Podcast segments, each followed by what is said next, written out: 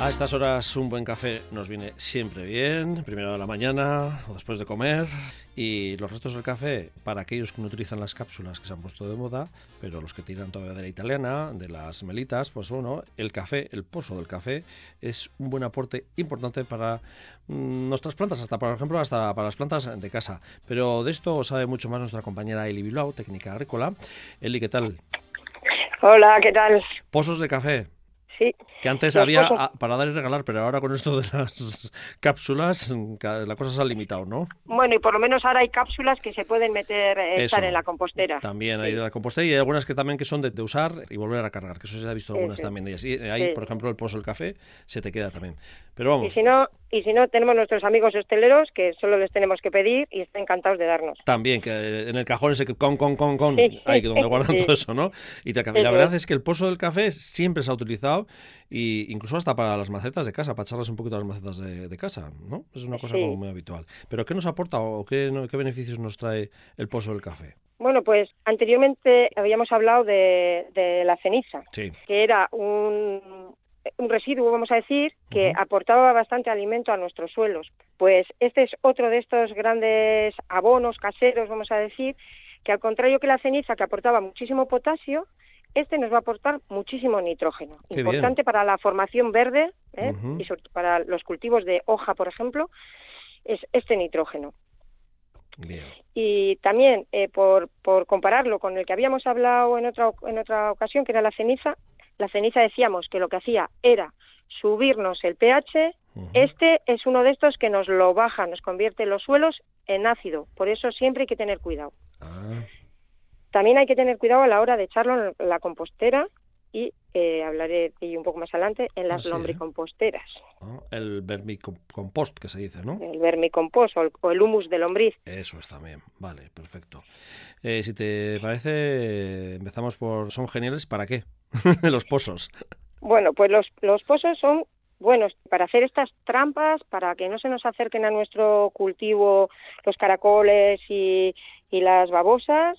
Es bueno para repeler hormigas y echar a los gatos, que esos que tienen, son muy curiosos, entran en nuestros cultivos y escarban para hacer sus cositas y a veces son muy molestos. Eh, también, como hemos dicho, es un buen fertilizante casero, ¿eh?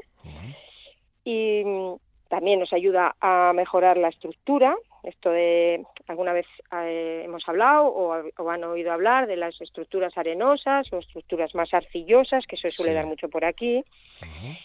Nos ayuda para preparar los bancales para, la- para los cultivos de raíz, en especial para los de la zanahoria. Bien. Y, como hemos dicho, nos sirve para eh, alimentar, más que para alimentar, bueno, es un alimento para las lombrices, pero realmente es como un excitante. Claro, café. Para- No, el café, cafeína, igual que para los seres humanos, Sí, sí. igual, Vale. eso es. Lo único por comentarte, pues eh, si vamos a acumular, si le vamos a decir a, al hostelero de abajo de casa que nos deje una bolsita o, o vamos a ir conservando en casa, es mejor dejarlo en extendido, que se seque y luego guardar en un sitio con unos agujeritos, porque si lo echamos muy húmedo o si lo guardamos muy húmedo, se, se va generando una capa de como de hongos Vale, y es muy desagradable. Pues ese es un gran error porque habitualmente es coger clan clan y echarla a, a la maceta, Siempre por ejemplo, es en el caso, mejor, ¿no? Vale, sí, que, se, seque un poquito, sí. Vale.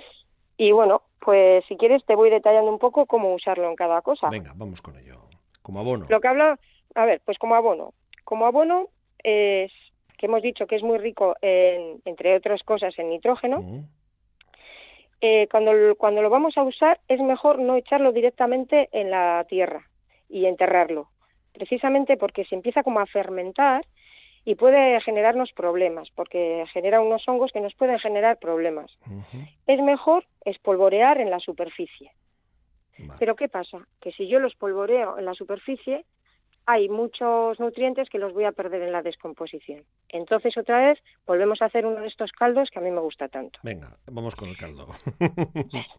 Pues volvemos, son 5 litros de agua, como siempre digo, mejor de lluvia, dos tazas pequeñas de las de cortao, vamos a decir, sí. llenas de pozos de café, se mezclan, se deja reposar una noche, a la mañana siguiente se filtra y ya lo tenemos listo para hacer nuestros riegos. Mm, Ya ves que es muy sencillo. Sí, es fácil. Y por ejemplo, una vez a la semana o así, les gusta mucho a los tomates, a las alubias, a las fresas y, por ejemplo, a plantas en casa como la hortensia, la orquídea, las rosas. Bien.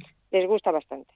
Vale, con esto también sirve para repeler babosas, caracoles y hormigas, creo. ¿no? Sí, son trampas que se ponen alrededor ¿eh? Eh, de, la, de la planta y los que van tipo caracol, babosa, no pueden pasar. Pero eso con el caldo también, ¿no?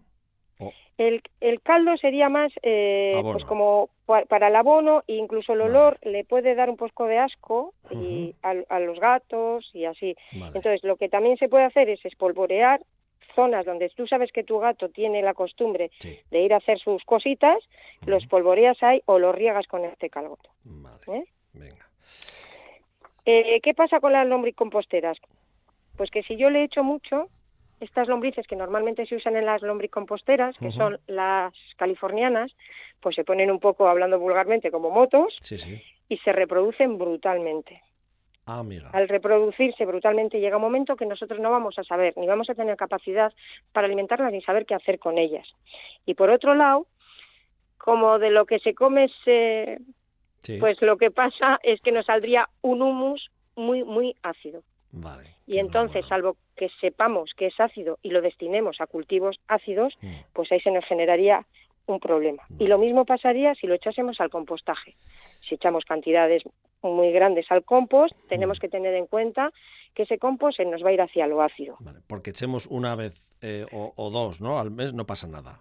Mm, No, o porque echemos, por ejemplo, en una casa, pues diariamente igual lo del café, no pasa nada. Vale. pero si vamos echando, que le pedimos al hostelero No, no. y echamos Ahí ya mucho, no. Vale, ahí ya no, vale, perfecto. eso es.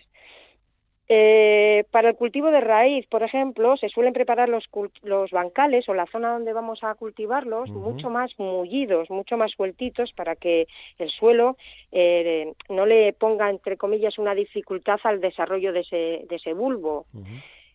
Y eh, entonces, mezclado con, con este pozo de café, lo que hacemos es que el suelo esté más mullido, más, más aireado.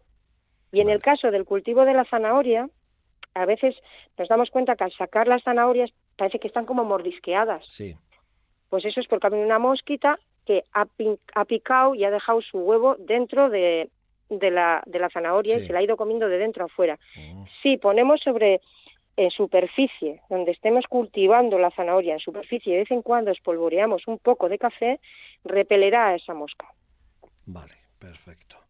O sea que eh, en este caso con el pozo del café, cuidado, porque sí es buen abono, aporta ese nitrógeno, pero eh, hay que andar con cuidado porque aporta acidez si nos pasamos cuatro pueblos, ¿no? Eso es. el pH. Y luego Eso otra cosa muy importante es en el tema de las composteras, que muchos de nuestros oyentes tienen sus composteras, eh, pues eso, que se superactivan eh, las lombrices y eso, que no echemos, que no nos pasemos también echando la- a la Eso es. compostera, ¿no? Bien. Sí, en la vermicompostera, pues una vez a cada 15 días, un poco, lo que viene a ser Vale. como una cucharada sopera Vale. las vermicomposteras, Perfecto. tenemos las lombrices. Sí, luego están los las que están las lombrices, que no suele ser tan habitual, pero bueno, hay gente que también tiene, porque, oye, hay gente Sí. que le da todo en esta, en esta vida, y sobre Sí. todo en la agrícola más, sobre Sí, todo. Bueno, Eli Bilbao, eh, para aquellos que quieran saber un poco más de ti, Pues que mire mi Facebook, eso es, eh, Elicol, Elicol, el huerto de Eli, eso que es, puede entrar en el blog, todas estas cosas las tienen muy, muy- mucho mejor explicadas, y sería eh, el huerto de eli pun- eh, punto wordpress.com, Po- el huerto de Eli con doble E, con doble E, Eso el es. huerto de Eli. Eli.wordpress.com y ahí podéis, Eso si no es muy bien fácil, un buscador y pones el huerto de Eli y ahí te aparece, Exacto. sin ningún problema, eso está muy bien. Bueno, Eli, pues eh, hago un abrazo. Hago